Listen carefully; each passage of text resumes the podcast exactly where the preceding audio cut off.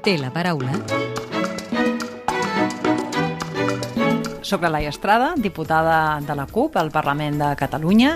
Soc professora de secundària i tornaré a ser professora de secundària quan acabi la meva etapa aquí al Parlament. Aquesta setmana Sumar ha presentat la seva proposta d'amnistia. El text planteja que l'amnistia beneficiï totes les persones que tenen causes vinculades a la defensa del dret a l'autodeterminació entre el 2013 i el 2023, així com també els policies que van intentar impedir el referèndum de l'UO. Com ho valora la CUP, aquesta proposta? Estem veient eh, amb molta preocupació una mena de mercadeig en relació a les propostes d'amnistia i això entenem que no pot ser, això no beneficia en absolut a resoldre el nostre conflicte polític que es resol d'una manera molt senzilla que és permetent-nos decidir el nostre futur lliurement. Per tant, la proposta de sumar mm, a nosaltres eh, no eh, ens sembla que sigui la dient en cap cas, no resol el problema perquè no reconeix el nostre dret a l'autodeterminació en el sentit que no vincula l'amnistia en aquest reconeixement, no vincula l'amnistia, aquesta llei, al fet de permetre'ns eh, marcar data no? i pregunta del referèndum. I després hi ha una qüestió que per nosaltres ens sembla que és insultant, que és eh, doncs, incloure els policies en aquesta llei d'amnistia. Nosaltres el que diem és que s'han d'incloure eh, no només les persones represaliades per la causa independentista directament, sinó que ho han de ser també, eh, s'han d'incloure aquelles persones represaliades per defensar eh, doncs els drets, les llibertats, eh, perquè entenem que mm, en aquest conflicte polític del nostre poble amb l'estat espanyol doncs, eh, vist vulnerats tots aquests drets i totes aquestes llibertats i, per tant, totes aquestes persones eh, s'han de veure eh, recollides eh, en, en aquesta llei d'amnistia. Això no res a veure amb els policies ni tampoc amb persones eh, doncs, encausades en casos de corrupció. Si el PSOE no reconeix el dret d'autodeterminació, aleshores creu que Junts i Esquerra haurien de votar no a la investidura de Pedro Sánchez?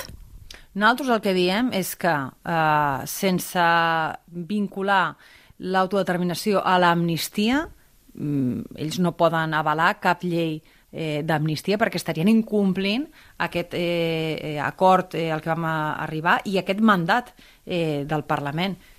Per tant, doncs, lògicament, no haurien de facilitar cap mena de, de governabilitat. I si s'aprova finalment la llei d'amnistia sense anar vinculada a un dret d'autodeterminació i l'independentisme, en aquest cas Esquerra i Junts, facilita la governabilitat i la investidura de Pedro Sánchez, aleshores com respondrà la CUP, en aquest cas des del Parlament?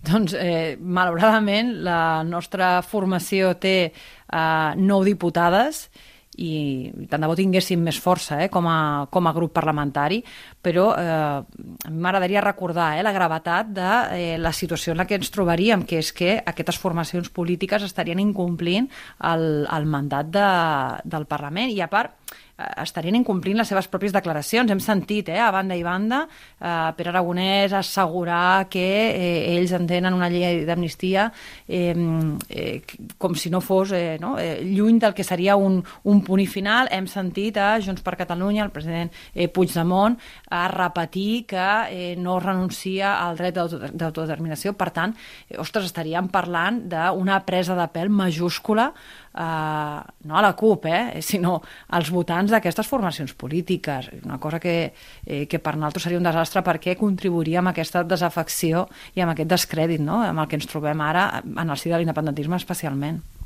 Creu que hi ha la temptació per part del PSOE que amb l'aprovació d'aquesta llei o eventual llei d'amnistia es vulgui enterrar el conflicte polític?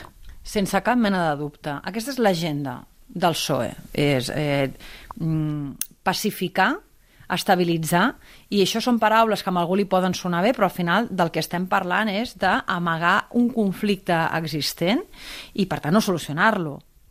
Com valora el canvi d'estratègia de Junts per Catalunya i la seva aposta ara per la negociació a Madrid i l'entrada en escena en les negociacions de Carles Puigdemont?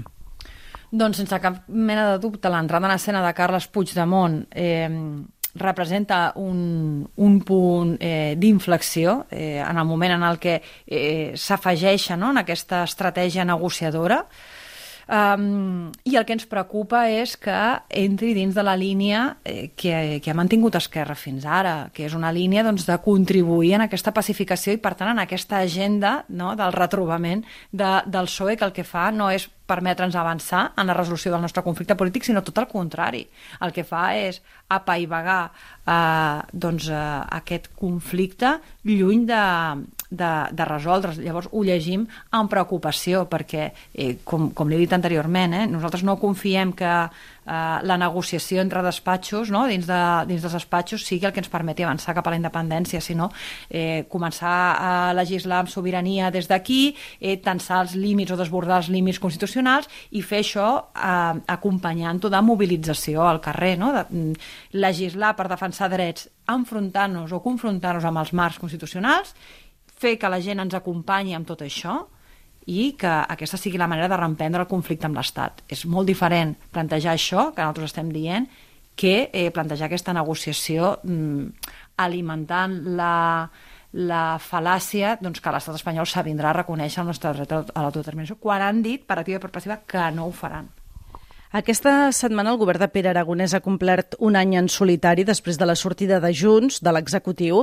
Creu que eh, el president de la Generalitat podrà esgotar la legislatura, tenint en compte que no té una majoria parlamentària estable ni sòlida?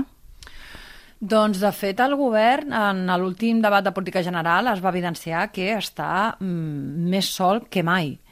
I eh, el problema que té Esquerra Republicana i que tenim com a país és que ha desaprofitat totalment eh, la, les majories que hi havia en aquesta legislatura, una majoria independentista del 52% que ens havia de permetre, eh, segons Esquerra i Junts per Catalunya, doncs, avançar eh, de forma decidida cap a la independència i també ha desaprofitat la majoria d'esquerres que hi havia al Parlament per avançar en aquests dos àmbits, eh? en l'àmbit eh, d'alliberament nacional, en l'àmbit independentista i en l'àmbit de drets eh, socials. I ho ha desaprofitat perquè eh, rapidíssimament Esquerra Republicana el que va fer va ser assumir el programa del PSOE, o del PSC, que és la seva franquícia aquí. Però, mm, ostres, eh, hi ha marge, o hi hauria marge, o hem d'entendre que encara hi ha eh, una possibilitat de, eh, doncs de, de reconduir aquesta legislatura si Esquerra fa un canvi de rumb, si fa un gir de 180 graus el que passa és que Esquerra ni fa una cosa, ni avança en clau eh, nacional, ni tampoc en, en clau social. I el que fa és assumir el programa del PSC i, i, i per tant, doncs, això el que fa és eh, doncs, que la legislatura mm, estigui totalment frustrada a nivell de, de les seves expectatives o possibilitats. Eh? Davant d'aquesta legislatura que diu frustrada, creu que fora bo un avançament electoral? Doncs és una possibilitat, i tant, és una possibilitat. I haurem de veure eh, què passa els propers eh, mesos o fins i tot les properes setmanes um, a nivell doncs, de el, el rumb que pren tot plegat, no? si, si veritablement hi ha marge per a un canvi de rumb o si el que, el que tenim és eh, doncs, eh, posar-li la cirereta no? de tota aquesta deriva en clau d'assumir l'agenda de la patronal i de la Moncloa i eh, renunciar a les aspiracions de, de, de, del país, tant en clau nacional com en clau eh, social. Si li sembla bé, ens endinsem ara ja en el terreny més personal i li demano ara si pot contestar amb respostes tan breus com sigui possible.